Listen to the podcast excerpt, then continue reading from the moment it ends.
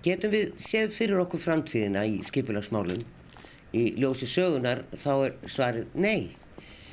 Ef við hugsaum 100 ára aftur í tíman þá sáum menn engan veginn fyrir fólksfjölgun, bílaegn og fleira í þeim skipulagstillögum sem þá voru á borðinu, sem voru svo sem ekki margar.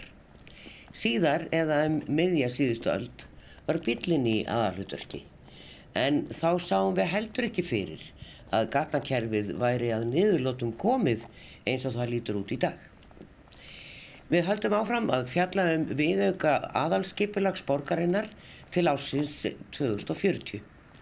Við heilsum upp á landslagsarkitektin Þráinn Haugsson hjá landslægi en hann hefur komið að skipilagsmálum borgarinnar í langan tíma. Síðan í hildi Björnstóttur borgarfulltrúa minni hlutans í borginni og spyrjum hvað þau vilja sjá gerast í borgin okkar. Og við leitum til Péturs Ármannssonar arkitekts og fræðimanns og spyrjum hvort yfirleitt sé hægt að skipulegja langt inn í framtíðina. Við byrjum á skólafyrirstíknum á vinnustofu landslags. Já, við höldum áfram að fjalla um þessa stóru og miklu uppbyggingu hér í höfuborginni á íbúðarhúsnaði og náttúrulega þjónusturímur sem að fylgja því. Herðum í nokkrum í síðasta þætti og höldum svo áfram núna og við erum komið hér til hans Þráins Haugssonar. Hann er landslagsarkitekt hjá landslægi. Hann var með í stóra skipulæginu, aðalskipulægi borgarina til 2030 en nú erum við sérst að fjalla um þennan viðauka til 2040. Það eru 20 ár sem að liggja undir. Ímislegt hefur gengið eftir í aðalskipulæginu En þetta gengur kannski of hægt, fólk býður enn eftir borgarlínu, hvenar kemur hún. Það er heilmikið eftir að gera í sambandi við hann og mikil uppbygging í kringum það allt saman bara línan sjálf, burt séð frá byggð sem á að tengjast þessari línu, þjættri byggð. En þráinn hefur líka verið með í rammarskipulagi upp á ártúnsöða sem er kannski stærsta framkvæmdinn í þessu nýja skipulagi. Þetta er eiginlega bara alveg nýr grafavóður þannig að það er bara, já, hálf borg hann upp á höðana þegar það er yfir líkur og þetta er nú svona komið á veg í öllu skipulegi þó manni finnist það ótrúlegt þegar maður hugsa um höðan eins og það lítur út í dag að það sé bara reynilega hægt að koma öllu þessum fyrirtækjum burt og breyta þessi íbúðabyggð en við skulum kannski bara byrja á því svona hvernig þér líst á alla þessa þjættingu byggðar sem að er Náttúrulega ég skil alveg lókikinn í því, þetta er eitthvað sem við verðum að gera í þessari gísnuborg. Því að annars eru allir á ferðalagi hér á engabílum fram og tilbaka alla daga og við höfum reynilega ekki veðakerfi til að bera það. Og mér skilst að við séum mesta bíleiganda þjóði í allri Evrópa allavega. Er það ekki rétt hjá mér? Jú, ég held að bara, ég veit það samt ekki alveg með það, en hérna en kannski getur sagt þér það að sko, ég var þáttakandi í svæðiskipula höfuborgarsvæðisins og hafði þar með umhverfi og útífist að gera. En þar voru líka línurnar lagðar og þar vorum við að skoða hvernig höfuborgarsvæði hefur þróast í kannski síðustu 30, 25, 30 árin. Og þá sjáum við það að okkur fjölgaði um 75.000 íbúa á einhverju árabili en íbú, byggðin þandist alveg út um alla mela og móa á því tímabili. Og gildist tími þessa nýja svæðiskipulags er þá til 2040 og þá þurfum við að spyrja okkur hvernig, sko við getum ekki bara að horta hvernig staðan er í dag, heldur hvernig verður þetta eftir aðra 75.000 íbúa hvar eiga þeir að lenda? Því okkur heldur áfram að fjölga. Já. og þá náttúrulega sjáum við það að, að aðrar borgir eru að þjætta sig til þess að ná frá meiri hagkvæmi, meira mannlífi og gangi ekki eins mikið á hérna, óbróti land hérna í útjæðrunum en við erum svo sem líka vöðum því að sem er að vinna í skipulagi að þurfa að, að hérna, já, hafa svona langlundar geð og vera þólimóð en svo er alltaf tíminn að hljóra svolítið fljóttur líða þegar maður hóður tilbaka sko. En til dæmis þetta verkefni sem við nefndur á ártónsöða, það var 2015 sem lág fyrir úrslit í samkettni um það svæði sem var svona uh, heildar sín á ártónshöðan og elleávok og við unnum þá samkettni í samstarfi við hjá landslægi, í samstarfi við Arkís og Verkís. Og þetta teimi vann síðan áfram uh, við að móta rammarskipulag þar sem að sínin úr hugmyndasamkettninni uh, er, er svona fest og það er kafa dýbra en hún að mjög miklu leiti bara hugmyndin. Þannig að við töldum okkur við erum með svolítið sterka hugmynd og, og, og, og það kom ljós en síðan í, þegar þetta rammaskipilagi samþýtt 2017 þá var hægt að fara að skipta svæðinu upp í deilisskipilagsafanga nú þegar er búið að samþykja einn af þeim deilisskipilagsafangum sem er Bryggikverfi vestur uh, vestan við gamla Bryggikverfið og Já. á landvillingu Björgunar. Þá langar mér inn í spurningu svo ég, ég hérna gleimin ekki að það er þetta síló sem er þetta eftir gömlu sementsvæsmiðuna og er svona eitthvað svo mikið kennileitið hann og er bara svolítið gúl svo ég leiði minn og bara nota það orð. E, það hefur verið svona svolítið deilur um hvort það er hægt að fá að vera þarna fram mm -hmm. hvað hafið þið lagt til? Jú, við sáum það fyrir okkar að það væri skemmt, gæti verið skemmtileg takkifæri að vinna með það inn í framtíðabíð og að þetta er náttúrulega mjög sérstakt mannverki og við höfum alveg séð það hvernig menn vinna með svona síló í útlöndunum og gera alls konar hérna, skemmtilega hluti úr þeim og það svæði er svo núna í alþjóðleiri samkettni sagt, uh, í svo kallu C40 samkettnum já, já. og við höfum nú einmitt uh, annað C40 verkefni þarna sem vann sko, við uh, aðra borgarlínustöðuna Já, timpur blokk alveg rísastór já, já, það var það sem kom út úr því þannig að við veitum aldrei hvað kemur út úr þá þessari gefni hvernig mann sjá hvað möguleika mann sjá í þessu. En allavega þá er ekki búið að hérna, það er ekki búið að afskrifa. setja hérna stóru kúluna á, á það en þá Nei. en já, síðan er verið að sem sagt núna í framhaldið þessu sæðinu að skipta upp í nokkra deiliskypularsáfanga og nú er verið að vinna í tveimur deiliskyflasáfengum. Það er við Ellavók uh, í skjóli ártúnsæðans uh, sem er segja að þessi uh, skjól besta svæði bara í borginni þar sem að nýtu skjólsáðahöðanum við Ellavórnar, Ellavór Ósanna. Og síðan uppi á ártúnsæðanum þar sem við kallum Krossamýratorg. En það er nefnilega þannig að, að, að stóri stóra hryggjastykkið í þessu skipulagi er að borgarlínan á að koma í gegnum þetta svæði og á henni verða þarna tvær stöðar við þessi tvei tork, við allavógin og upp á Hortonsöðun. Þannig eru náttúrulega eins og ég var að segja það er svo margt sem áttur að gera við vegna borgarlínu og það er nú sagt að hún hætti að vera klár 2023 við erum að fara inn í 2021 það er tvö ár til stefnu. Þannig áttur að byggja brú yfir vóginn frá Suðurlandsbrautinni og yfir og leggja þessa línu. Þið hljótu að vera með það svona svolítið inn í myndinni í þessu skipulagi og þessu rammarskipulagi. Hvað hvernig það gengur? Já, já, það er algjör forsenda fyrir þessu skipulagi að borgarlínan komi já. og þjættliki byggðarannar er þannig e, bílastæða bókaldið er reiknað út frá þessu. E, við erum ekki að skaffa sömu bílastæði í svona byggð sem hefur þetta sem á að hafa þetta gott aðgengi að almenningssangungum eins og ja. borgarlínan á að gefa þannig að það er algjörlega, algjörlega mikilvægt að, sko, að þetta haldist í hendur uppbygging borgarlínunar og uppbygging á þessu svæði þannig að maður vennist ekki á uh, bílalífstílin áður en borgarlínan kemur. Nei, nákvæmlega. En það er eitt sko, við sjáum náttúrulega í útlöndum til dæmis að þar ferðast fólk gætna með lestum og, og, og strætó til að komast til vinnu og er ekki að fara á engabílnum inn í miðan London eða Kaupmannahöfn eða mm. Stockholm. Það bæði kosta peninga og, og bara tekur alltaf langar tíma. E, en þá er þessi möguleiki að menn hafa geta lagt bílum sínum segjum að búin er í Guðunessi og ætlir í borgarlinn og Krossmýratorki sem er þarna uppi eða við vógin mm -hmm. sko þá er þannig kannski dóttu langur gönguspotti í allavega veðrum á Íslandi já, já.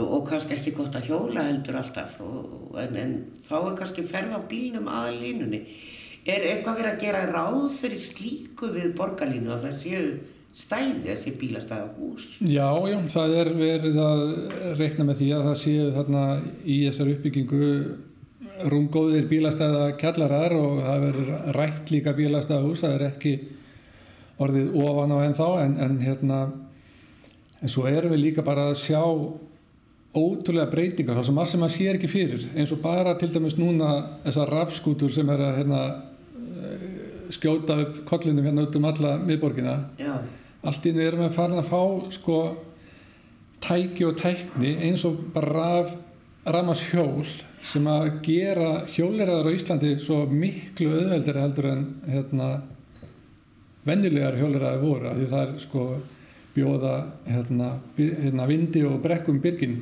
já, og gera þannig að það er eitthvað sem að við líka bara eftir að hérna örglega eftir að tilengja okkur mikið að geta uh, notið skjótari leiðir sko heldur en endilega alltaf bílinn. En, en, og, en auðvitað þar, þurfa sko borgarlínan þarf að halda áfram upp úr en auðvitað hérna, gerist þetta allt í einhverjum skrefum. Já, hún fer náttúrulega endanum upp í Mosó. já, já, já, og í gegnum gegnum hérna vantarlega grafvógin og, og, og tengist þarna. En það þurfa náttúrulega þá að vera strætóleiðir hraðvagnaleiðir sem er tengjast þessu líka eins og maður þekkir útlöndunum. Það er borgarlínan eitt en svo eru tengivagnarnir sem að tengjast línunni annað sko sem að Já, já. eiga að gefa greiðar og góða leiðir úr aðliggjandi hverjum Já, sko að geta hoppað úr heimavagninum bara í beint inn í borgarlínu. já, já, Þurfu ekki að býða mikið þar. já, En já, þetta, þetta er alveg rosalega hugafarsbreyting fyrir Íslandingar. já, já. Í alveg, maður bara einhvern veginn sér það ekki fyrir. Nei. þeir- Þeir séu tilbúinir í þetta. En, en við sjáum til, það koma nýja kynnslóður er sko. framtíðin. En þegar þú varst að lýsa þessu þarna í þessari kynningu, þá var þetta nú svolítið drauma hverfi. Er já. sundlög hann niður við vógin og maður horfum bara beint á esuna og út á flóan og, já, já, og bara fallega göngu og hjólaleðir hann í kring. já. Þannig að, að þetta gæti orðið mjög fallegt hverfi. Já, það er náttúrulega það sem að við, hérna, það er okkar markmið, er að gera byggðina mannlega og blómlega og, og við erum að þarna náttúrulega ótrúlega áskurðan að umbreyta svona hráu yðnaðakverfi í blómlega borgarbyggð. Já, En þegar við ætlum að byggja þétt líka þá er mikilvægt að náttúrulega að, að við vöndum okkur alveg rosalega vel við gerð sko allra almenningsrýma og gatna umhverfið er kannski mikilvægasta almenningsrýmin eða mikilvægasta almenningsrýmin er bara göturnar og gangstéttinnar milli húsana. já. Og það er náttúrulega, sko þá viljum við kannski losna svolítið við enga bílum þar sem þú ert að ganga og hjóla. Já, já, og allt þetta þéttbyggð þar sem þú getur uh, blandað inn þjónustu, uh, getur sótt þér allt í gönguferði. Ég er nú svo heppin að vinna hérna á skólaverðastygnum og, og það sem við erum með alls konar þjónustu hérna í nær hérna, umhverfinu og það er alveg bara ótrúlega mikil, mikil lífskeið fólkinni því að geta bröðið sér út í hátteginu Já, og sótt sér einhvern góðan hátegisbita eða fengið sér hérna göngutúr í fallegu umhverju. Það skiptir nefnilega máli að umhverju sé fallegt og vistlegt. Það er miklu skemmtilegra og næ, meira nærandi fyrir sál og líkama að lappa og upplega fallegt umhverju heldur en ljótt umhverju. Heldur að fara beint út á bílastæði, við getum bara að tala um borgatúnið ef þú vinnir þar. Já, Þá kemur þú líklega beint út á stórt bílastæði. já, já, og inn í skeifu eða hvað sem er eins og við þekkjum skeifin í dag sko. Að, hérna, það er ekkert mjög inspírandi að fá sér hérna, hátegisgöngutúrin þar að séu kannski góðir, góða bita að sækja einhver staðar en, hérna, en, en til dæmis hérna í, í þingoltanum og skólaverðarholtin er það bara bara lúksus sko að geta. Og er, við viljum reyna að búa til svona umhverfi í okkar framtíðar hérna, borgar hlutum eins og við erum að byggja upp hérna upp á Orstonsöða Þú eh, ert náttúrulega búin að vinna í þessi mörg mörg ár í, að, að, og þróa mörg svæði og komið að mörgum svæðum, ekki bara í Reykjavík líka út á landsbyðinni og allstaðar. Sko, höfum við ekki hugsað fyrir þessu að það þurft að vera eitthvað svona mannvænt í kringum okkur. Við erum búin að byggja þessi stóru hverfi eins og Grafarholt og Graf og Breiðholtið er enda mjög blómlegt og ofsalega gróið. Já, já. Og þar getur nú fundið einhverja þjónustu en það er til dæmis eins og í Grafavogi, það er Það er bara, ég veit að dóttur minn býr þar og hún segir það er ekkert í grái. Þú hefur spöngina Já, og svo ertu bara með algjört svefnkvarfi.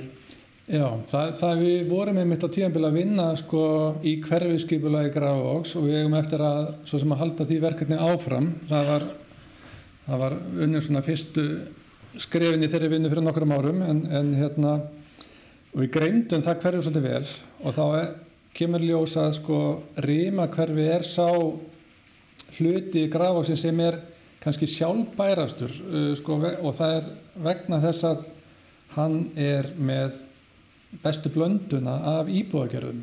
Það er ekki bara þessi einsleita sérbílisbyggði sem er við í Grafavoginum, Já, gísnari byggð, sem að, og þar er þá, þar, þar er meiri enduníun af fólki, það eru hérna, það er meiri svona reyfing og meiri, meiri blöndun á aldursópum já, og einhver þjónusta. og þjónusta, já, það er já, fyrir já. þjónustu sem er ekki, ég bý sjálfur sko í útgöri hérna í Hafnafyrði og maður þarf að hafa svolítið bara fyrir því að, að hérna að sækja sér þjónustu, sækja sér einhvern, einhvern svona, einhvern lífsfyllingu, aðra en náttúrulega það sem er náttúrulega gott í þeim hverjum eru náttúrulega nálega en kannski við náttúruna og, og, og Lítil umferð og... Já, já, já, svo leys og róliheit og tímu COVID er þetta kannski drauma hérna hverfi að hérna geta lappað út um endaljus svona endaljus og göngustíða þar sem að við þurfum að dreifa okkur á okkur að hæfileg mellibili Já, en það er náttúrulega bara tímabutið ástand Þannig að þú hefur trú á þessu að úrverði og þá verður náttúrulega að hafa það sem Já, ég- aðeins verkefninu. Við gerum það Já, já. Og svo sjáum við bara hvort að ný borgarstjórn, hver verður hún, hvað pólitíkus er eru ólíkittatól. Já, já, Þannig að e, við vitum ekki, en stefnan er þessi. já, Sagði Þráinn Haugsson, landslagsarkitekt og það gefur augaleg að í flestum tilfellum heyrum við meira í ráðandi skipulags yfirvöldum í þættinum því þar er valdið. En hvað eru borgarfulltrúar minnihlutans að hugsa? Hvernig líst þeim á græna planið? Við höldum vestur í bæ. Já, þá erum við komið vestur í bæ og svo sem ekkert að fjalla um þetta hverfi, við erum hérna á einimellum hjá henni Hildi Björnsdóttur, hún er lagfræðingur og stjórnmálafræðingur og borgarfulltrú í minnilutanum í stjórn Reykjavíkur. Og eins og fólk veit að þá er, hefur svona staðið svolítið styrum þær framkvæmdir innan e, borgarstjórnarinnar hvað það ætti að gera í þessari uppbyggingu í Reykjavík og sjálfstæðismenn og, og minnlutin hefur bent á ímislegt annað en það sem er verið að gera og meðal annars e, talað um granda og e, keldur ákala fallegt svæði og maður sér yfir gráin og annað og náttúrulega drauma byggingarstaður í rauninni en þetta er líka búið fallegt útvistasvæði sem ég held að fólk kannski í gráinum nýti að einhverju leiti sínum gönguferðum.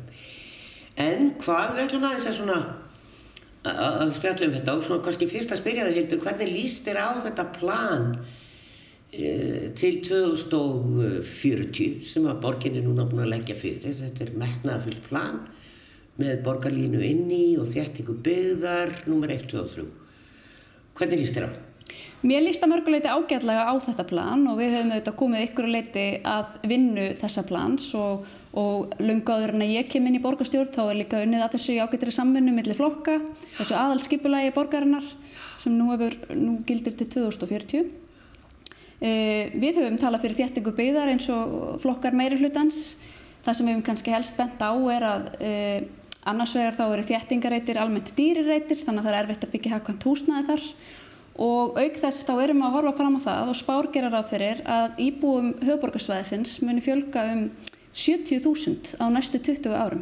Þannig að það kann að vera að þessir þéttingareitir sem við höfum muni jafnvel ekki duga til til að anna eftirspurn eftir húsnaði og þá þurfum við að skoða aðra staði og þeir staðir sem við höfum bent á er einmitt eins og nefnir Keldnalandið mm. og Örfyrirseg, eða Grandin og það er nú það svæði sem ég er kannski spenntust fyrir að, að sjá byggjast upp.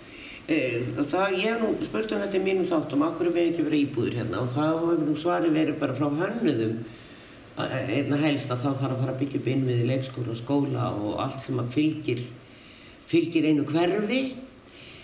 Svo eru aðri sem að benda til dæmis á að þetta getur verið listamanna íbúðir, íbúð vinnustæður Það er alltaf, þetta er svolítið rógras, það er nú líka það sem ég hef svolítið hugsað um, er, er þetta ekki rosalegur veðra fjandi? Sko, það sem er svo spennandi við örfyrirseg er að möguleikarnir eru endalöysir. Það var margir bent á og þarna getur verið mikið rók, alveg eins og getur verið á sömum stuðum í Vesturbænum eða á Seltjarnanesi og víða svona við, við sjávarsíðuna.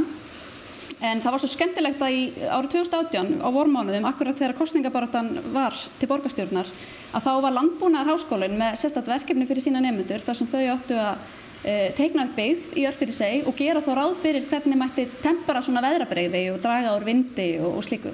Og þau voru með margar skemmtilega lausnir og þar var áherslu á að byggja einmitt ekki of hátt og, og ákveðin gróður myndi draga úr vindi og öðru. Þannig að það eru þetta ymsar lausnir til í þessa veru.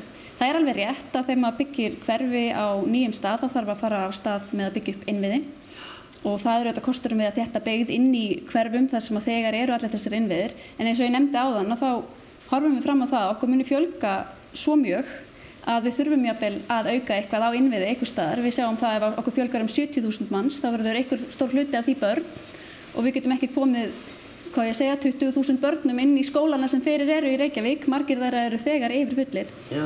Þannig að, það er meiris á 5 ára plani Reykjavíkuborgar í dag að byggja 5 nýja leikskóla og 5 nýjar viðbyggingar við leikskóla sem fyrir eru. Þannig að við erum alltaf að auka og bæta í innviðina.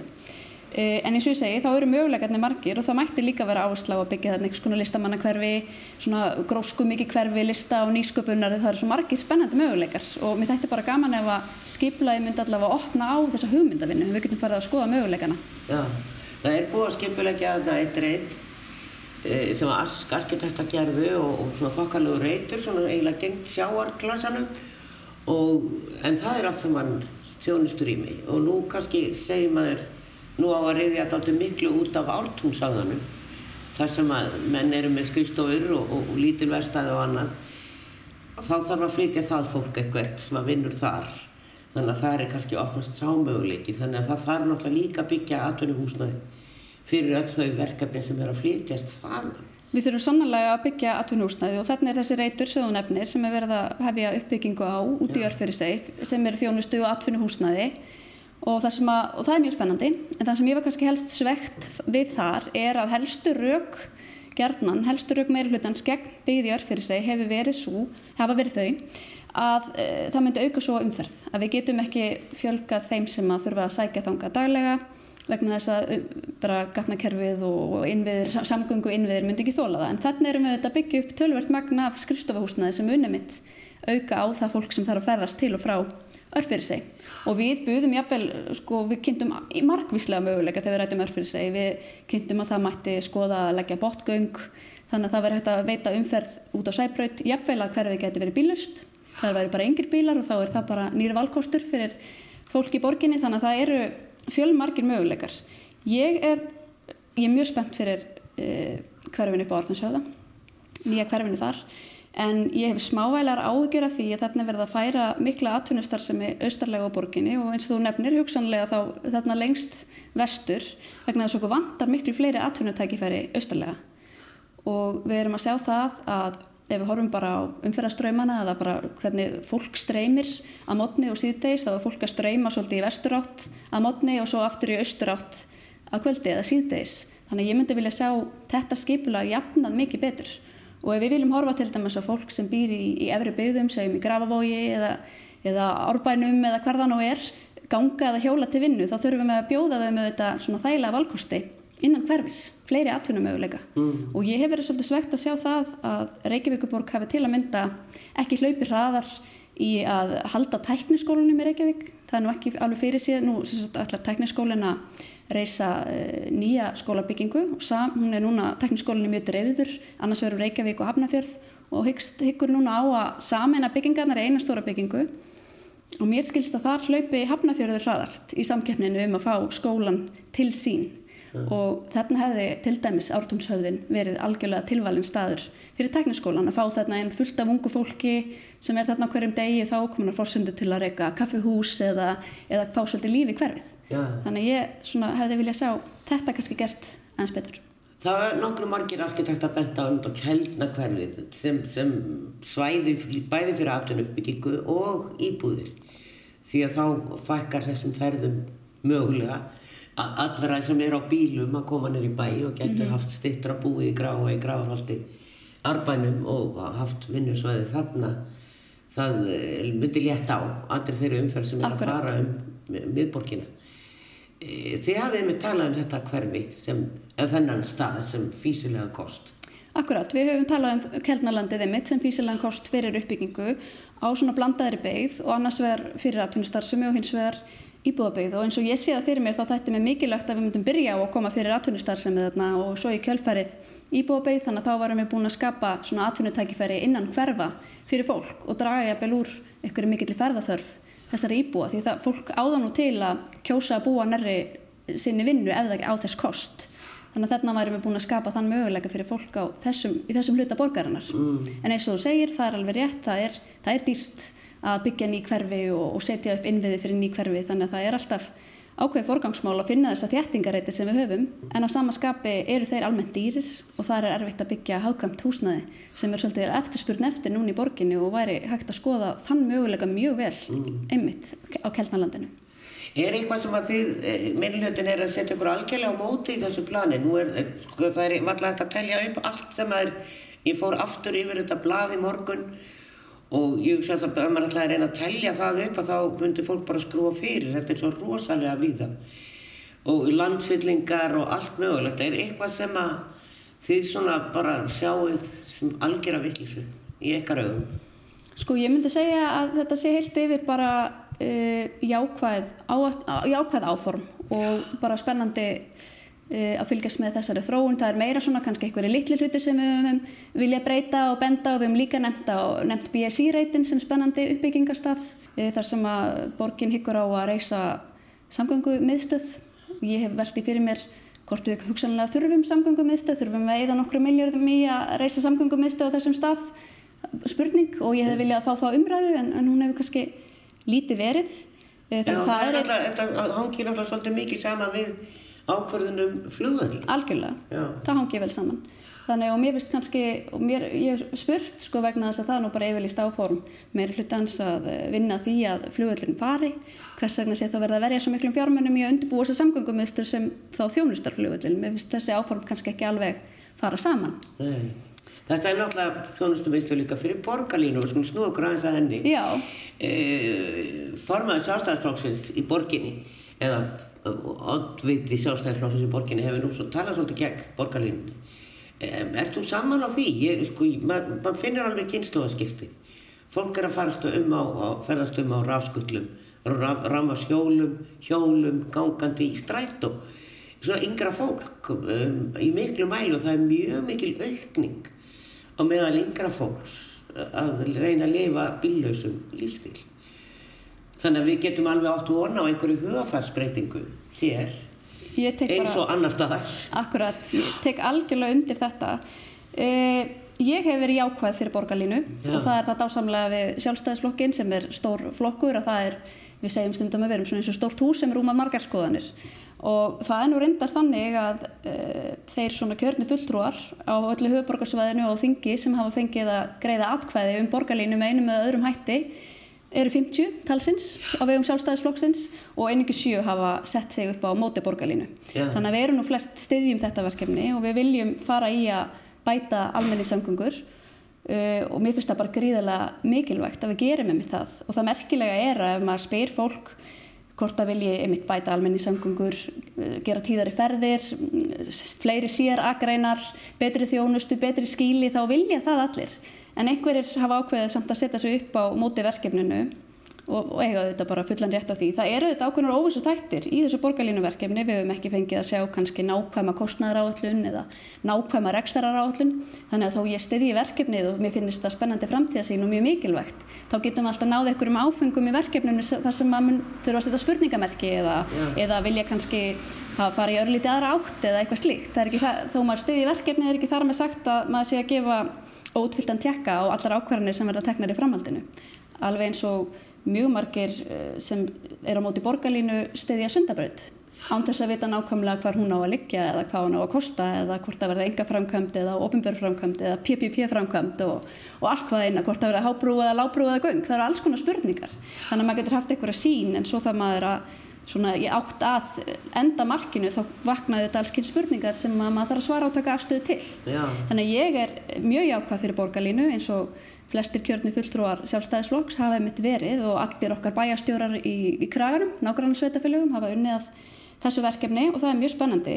Og eins og þú segir að þá eru þetta framtíðin gefur svolítið fyrirheit um að, að það verður breytar áherslur og breytar þarfir. Og það var einmitt að byrtast núna nýlega svo spennandi könnun sem að maskína gerði á svona ferðavennjum fólks, hvernig það ferðast til vinnu og það sjáum við á vet, veturna þá er um 70% borgarbúa sem ferðast til vinnu á bíl. Það er nú eitthvað, eitthvað minni, minna hlutfall á sömurinn. En hins vegar eru bara 35% borgarbúa sem myndu alltaf vilja ferðast á bíl til vinnu. Þannig að það er langstærstur hluti, og þetta eru 65% borgarbúa, sem myndu vilja geta farið til vinnu með einhverjum öðrum hætti en á bíl. Þannig að þetta eru þetta þarfir sem við þurfum að hlusta og horfa og svara og og við sjáum til dæmis að hjólreðar, hjólreðar er að sækja mjög í sig veðrið mm. og það er nú ekki mörg ár síðan að fólk hafa enga trú á því að hjólreðar getur verið einhvers, einhvers konar samgöngu kostur í Reykjavík, hér verður nú svo vond og ómögulegt veður og ég veit ekki hvað. Ramarsjólun kannski breyttu því líka mjög mikið. Þau hefa haft sín áhrif ymmit og svo sjáum við þessar rammaks, þessi rammaks hlaupahjól sem að hafa notið því líkara vinselda og við sjáum að það er um 75% fleiri sem ferðast til vinnu á hjóli heldur en með strætó til dæmis. Þannig að það er mjög merkileg tölfræði og við sjáum að í svona sömu konun og ég vísi það til áðan að þá eru tæpilega 30% borgarbúa sem myndu helsti vilja geta ferðast til vinnu á hjóli. Þannig að það, til dæmis þetta eru mjög skýr skilabóð finnst mér til okkar sem að förum með skipilarsvaldið og, og ráðum hvernig við útdelum þessum ofnböru fjármunum mm. að setja þá í uppbyggingu hjólriða innviða og reynslan hefur sínt í mörgum erlendum borgum að fólk fer svolítið þanga sem að fjármagnir fer og það eru bara borgir eins og Kaupmannhöfn þar sem var bara tekin ákförðun á einhverjum tímapunkti að, að borgin ætlaði að setja fjármagnið í hjólræði innviði og um leið og það eru skapaðir þessir frábæru innviðir að þá auðvitað fyrir fólk og nýtir það og það fyrir þangað sem fjármagnið fór. Og þetta eru auðvitað sem var gert í Reykjavíkuborg á sínum tíma að það varu byggðir fyrst og fremst innviðir fyrir bílinn. Og ég ætla nú ekkert að, mér finnst nú alltaf svona svolítið kannski hallarslegt þegar það verða að gaggrina fólk sem tók einhverjar ákvarðanir fyrir 40 árum í allt annars konar umhverfi Við vorum þetta bara minni, minni borg með færri íbúum og bílinn var ennþá algjör bilding og það þótti bara að vera smart að Já. skapa að, svo, þetta umhverfi en nú hafa bara tímatið svolítið breyst. Þeir hafa breyst með þessi myndi frá 1960-70 á miklubröðinni sem að þótti bara frábær veðaframkvæm og þá var fimm bílar á háanna tíma. Einmitt. Þannig að þá var nú kannski fleira fólk í stræt og því það bara áttir reynilega ekki bíl. Og ég hef stundum vilja að spurja fólk sem að til dæmis er á móti borgarlínu og, og eh, svona fjarkveðrast yfir því hversu mikið hún er að kosta að þá veldi ég því sjónamöðu upp að í dag þá ferðast 70% fólks á bíl til vinnu. Og ef rétt er einist og mannfjöldaspár rætast og okkur mun fjölga um 70.000 manns á næstu 20 árum og ef samgöngu minnstur verða ennþá þau sömu að þá verðum við auðvitað í gríðalögu manda og hvað mun kosta að byggja innviði fyrir þessa gríðalögu bílaaukningu sem þá verður? Uh, og þannig ég spyr hvað kostar að fara ekki í borgarlinu hvað kostar að bjóða ekki alla hína valkostina? Hvað kostar að við séum ennþá öll þegar okkur hefur fjölgað um 70.000 manns langt flest að ferðast til vinnu og bíl? Hvað kostar það? Já, hvað kostar það? Og við hvaðjum Hildi Björnsdóttur borgarfulltrúa Það er ekki nema hundra ár síðan að við fórum að huga eitthvað skipulagi hér á landi. Okkur fjölgar hratt og gerum líklega áfram og mannfólkið sækir í þjattbílið og fólki fækkar á landsbyðinni. Ekki bara hér á landi, heldur allstaðar í heiminu. Fyrsti arkitektinn að mér vitandi sem rætti skipularsmál í byrjun síðustu aldar var Guðjón Samuelsson arkitekt. Hann og Guðmundur Hannesson læknir sem skrifaði svo bókina skipula bæja unnu mikið saman. Í ljósi kannski svo litið stórkarlalegra hugmynda Guðjóns með háborg á skólaverðaholti sem aldrei varð, spyr maður sig, er yfirlegt hægt að skepulegja langt fram í tíman. Við erum komin á minnjastofnun þar sem við hittum Pétur Ármannsson arkitekt sem skrifaði hefur marga bækur um arkitektúr og arkitekta fyrir tíma og nýlega kom út mikið ritt um Guðjón Samuelsson. Hvað hefur hann að segja okkur um uppbyggingu í borginni? erum við alltaf með einhverja draumsýn sem að aldrei getur orðið.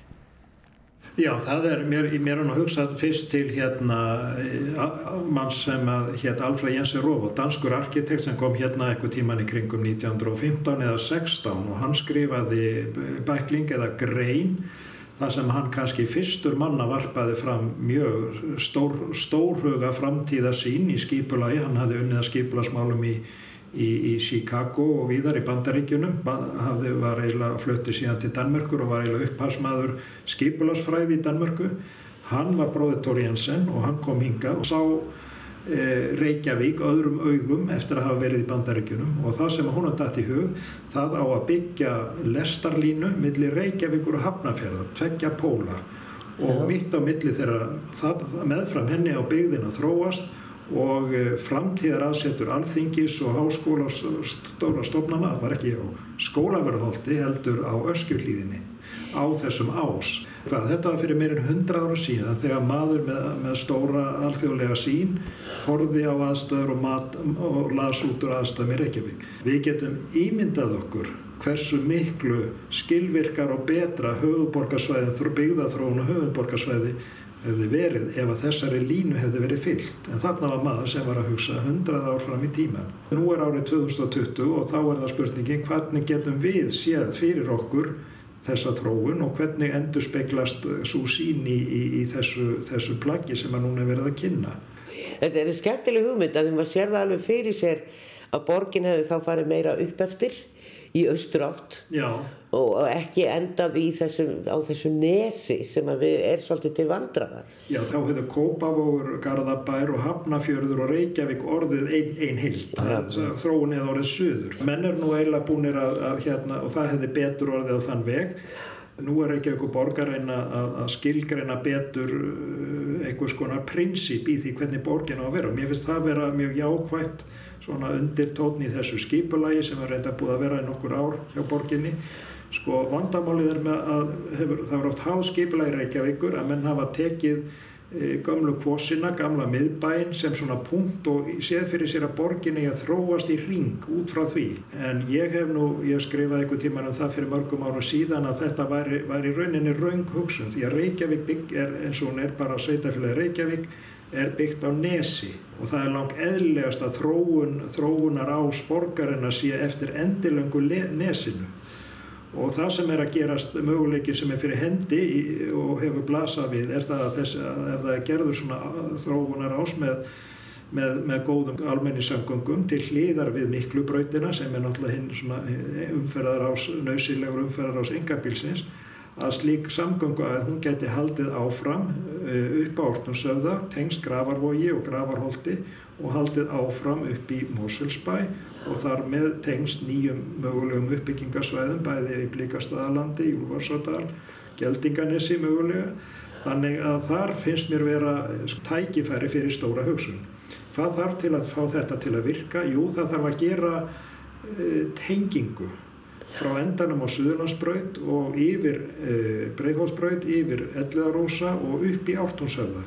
Og það er einmitt það sem að þessa tilögur ganga upp á og ég held að þessi tenging hún er líkil atriði það er einnig eitt brínasta verk annað að tveimur brínum verkefnum til að þessi hugmynd sem að stundum er köllu borgarlína það má kannski deilum það hvað, hvort að það er hvernig maður skilja það orð. Ég hef ekki alveg fullan skilning á því hvað felur í sér en ég, mér finnst það sem er jákvæmt í því er þessi hugmyndum að það sé línulegur ás sem að mann noti sem svona sveianlegt vakstar mótel til langs tíma. Og þá eru mann ekki beint háðir því að einhver flugvallur fari eða einhver höfnvíki heldur er þetta sko mótel sem að mann geta sem er í rauninni bara opið fram í framtíðina. Já, þetta er náttúrulega sko, sér frá borgarlínu að þá, þá er verið að fjætta náttúrulega þessi byggingarsvæði sem við verðum að segja frá, uppbyggingarsvæði.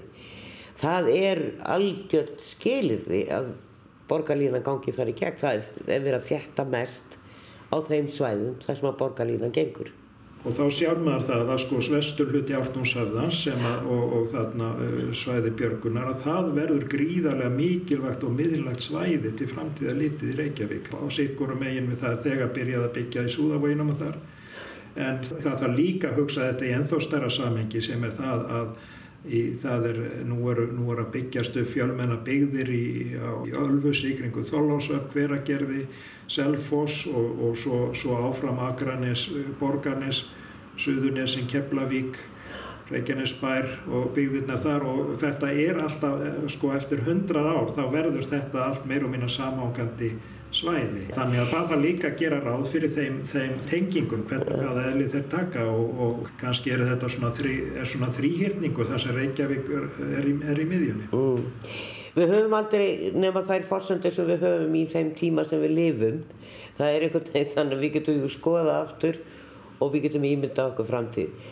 Eh, en ef við hverfum aftur aðeins aftur á bakk og hugsa um hvernig borgin hefur síðan byggst upp þú kemur með og segir okkur frá þessum dana sem að kemur hér og, uh, og segir okkur reyndar bara ágættis fréttir að þetta hefur við kannski átt að gera en enginn hlustaði e, síðan höfum við einhvern veginn það hafði ekki verið gerð svona stór skipulag fyrir alla borgina.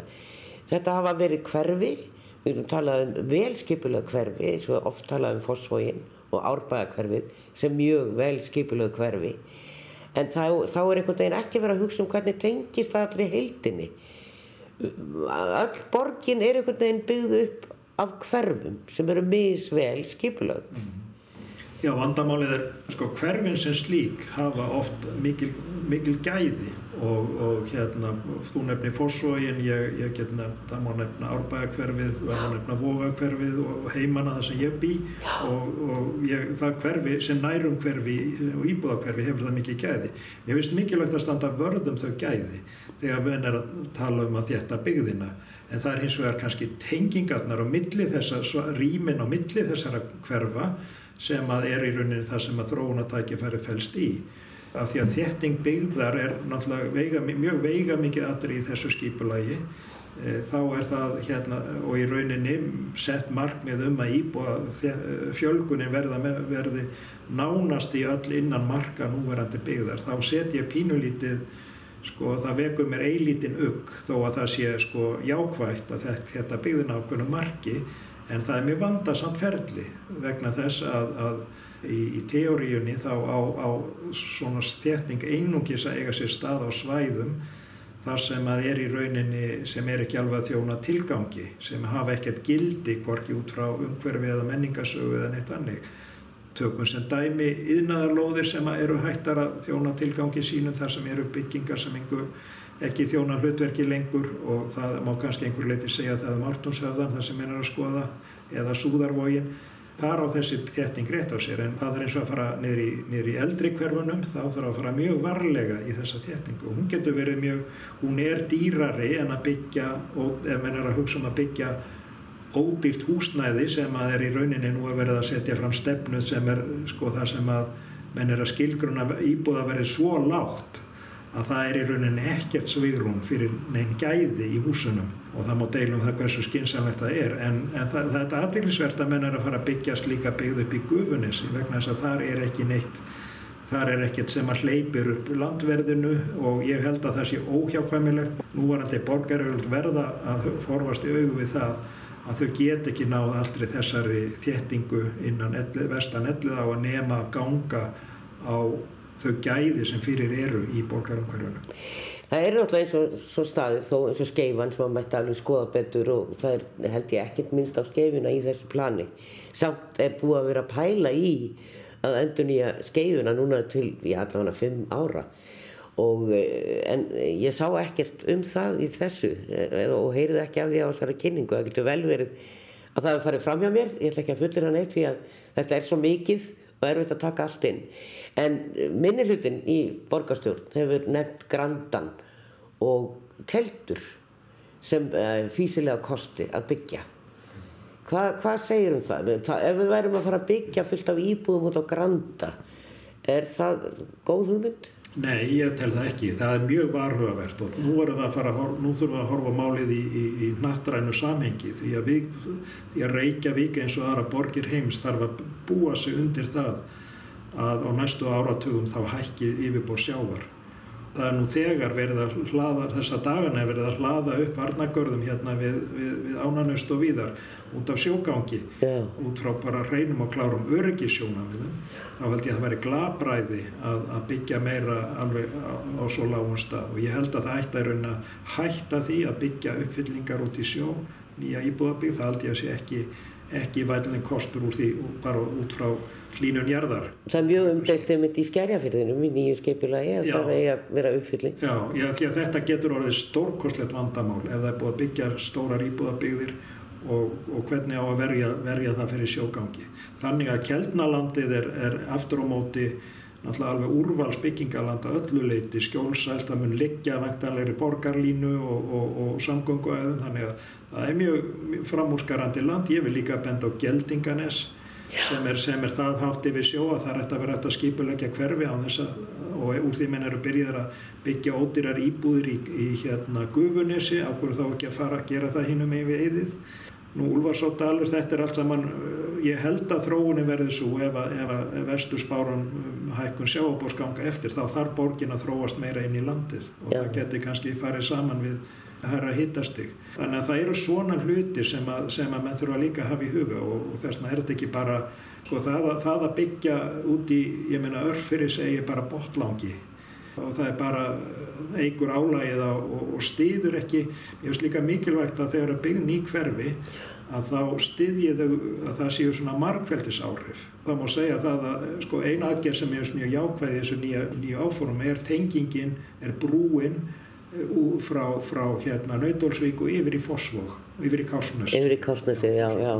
Vegna þess að þar með er, er, er Kópavór, vesturluti Kópavóks orðin hluti af baklandi háskólasvæðisins og, og, og, og sjúkrahúsvæðisins í Vasmíri. En aftur á móti það að taka Þannig að, þannig að það þarf að hugsa, eins, eins ártún sagði, hún mun uppbyggingu og ég held að einhverju leiti þurfi ný uppbygging á gældnarsvæðinu og ártúnshaldi að skapa atvinnutækifæri. Þannig að fólki sem býr í þeim hverfum, stóru íbúðakverfuna allt í kring, að það geti sótt sína daglegu vinnu og þjónustu inn á því svæð og það þurfi ekki endilega að fara, fara, fara vestar í borgina.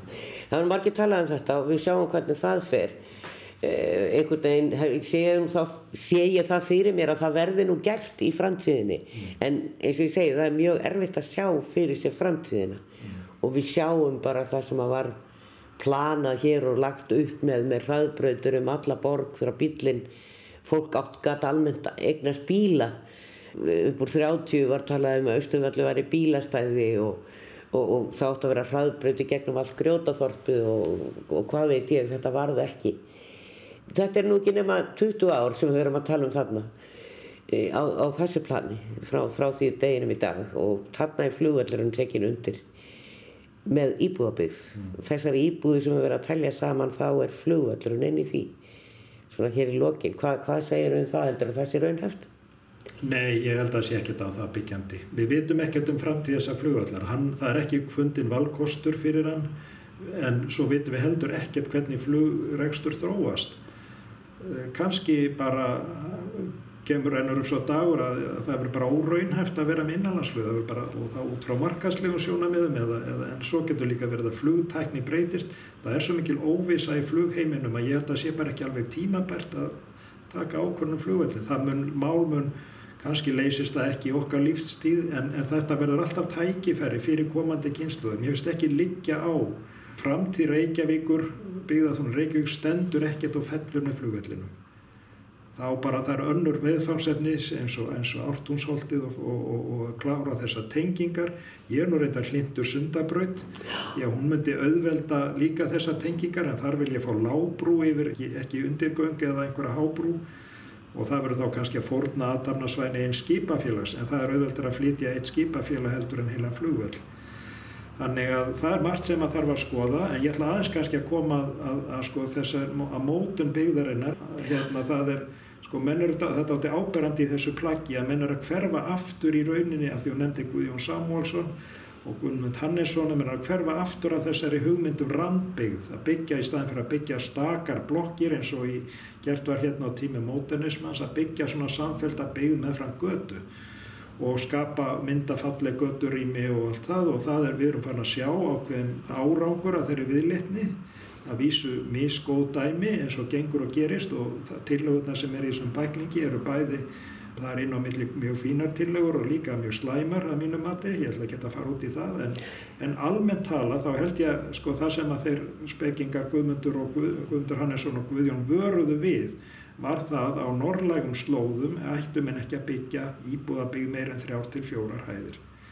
Og þetta höfum við frábær dæmi um hérna handan við gamla kirkjugarðin þar sem við sitjum hérna á Suðugötu hverfið ásvallagötu og þar, þar er nákvæmlega fullkomin uppskrift að því hvernig minn eiga byggja rambið þrjár til fjórar hæðir, rísa húsunum þannig að sólin á auðvöldari leiðinn, skjól, bakgarðar þetta er, og þetta er mjög há landnýting. En maður sér í, í, í, sumum af þessu nýju dæmum þar sem menn er að fara með þessa randbyggð upp í 5, 6 og jæfnvel 7 hæðir. Þá er þetta var það sem að Guðmundur Hannesson varaði eindreið við. Alls ekki að fara að byggja sjöhæða sambyggingar eins og í Kaupmannahöfn og, við í Európu slíkt geng mun aldrei ganga við, í, á svona, nor, í núna norrlæri borg eins og Reykjavík. Og þetta mættu skipulas yfirvöldin hérna taka til alvarleira aðtugunar okay, Takk fyrir já, les